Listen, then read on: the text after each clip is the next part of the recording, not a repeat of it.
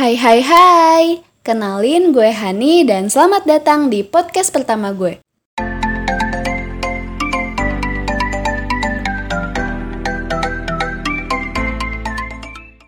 Sebelumnya, boleh kali ya kenalan dulu. Gue ini merupakan mahasiswi di salah satu perguruan tinggi negeri Islam di kota Bandung yang lagi hai hai hi tiba-tiba udah semester 5 aja nih.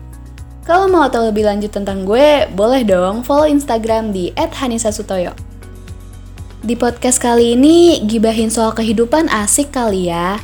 Biasalah anak muda, lagi di fase nyari jalan kehidupan yang lebih baik. Jadi, musinginnya kehidupan mulu.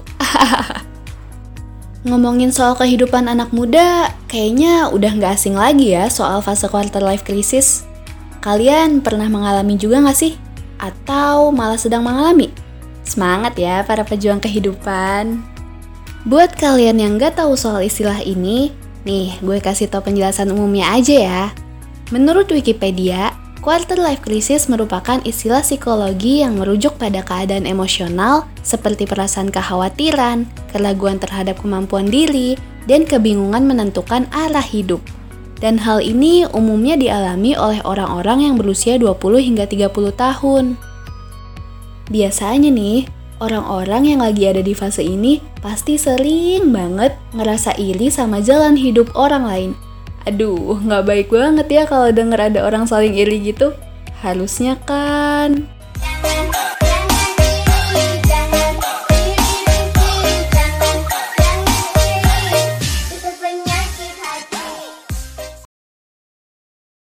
Banyak pertanyaan yang muncul di pikiran mereka pas lagi ada di fase quarter life crisis ini.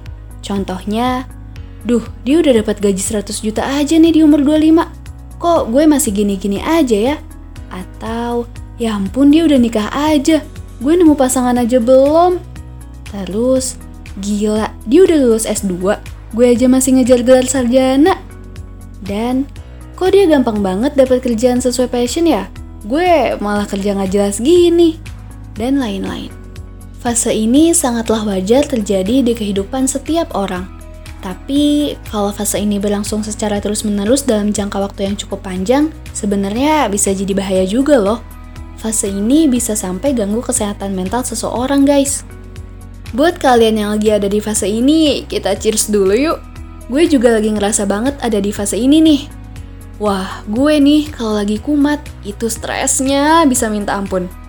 Biasanya, hal itu terjadi di gue karena dipicu sama media sosial Kalian juga pasti tahu banget lah ya media sosial itu setoksik apa. Yang paling mengganggu buat gue itu sih Instagram. Gue sampai bolak-balik uninstall tuh medsos guys. Kalau sekarang sih lagi ada di HP gue ya. Jadi kalau kalian mau follow bisa langsung gue follow back nih. Kenapa gue merasa terganggu banget sama kehadiran Instagram ini?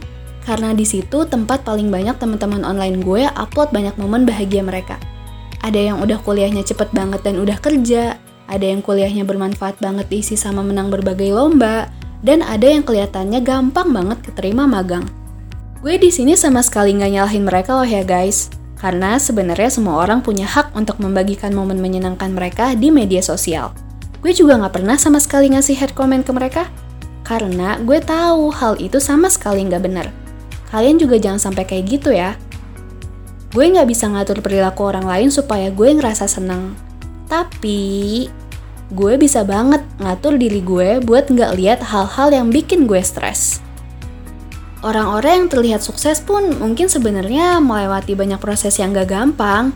Jadi, daripada kita iri terus, lebih baik kita lakuin kegiatan yang sekiranya bisa ngebuat hidup kita jadi lebih baik.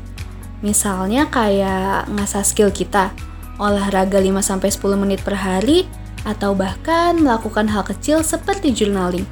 Pokoknya sibukin diri kita ke hal-hal yang positif deh. Guys, ingat, rumput tetangga akan selalu terlihat lebih hijau dan rumput kita pun akan terlihat sama di mata tetangga.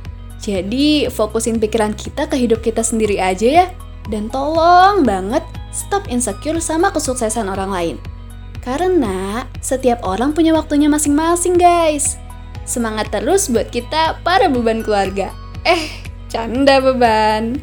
Segitu dulu gibahan gue tentang kehidupan. Gue Hani, dan terima kasih telah mendengarkan podcast ini.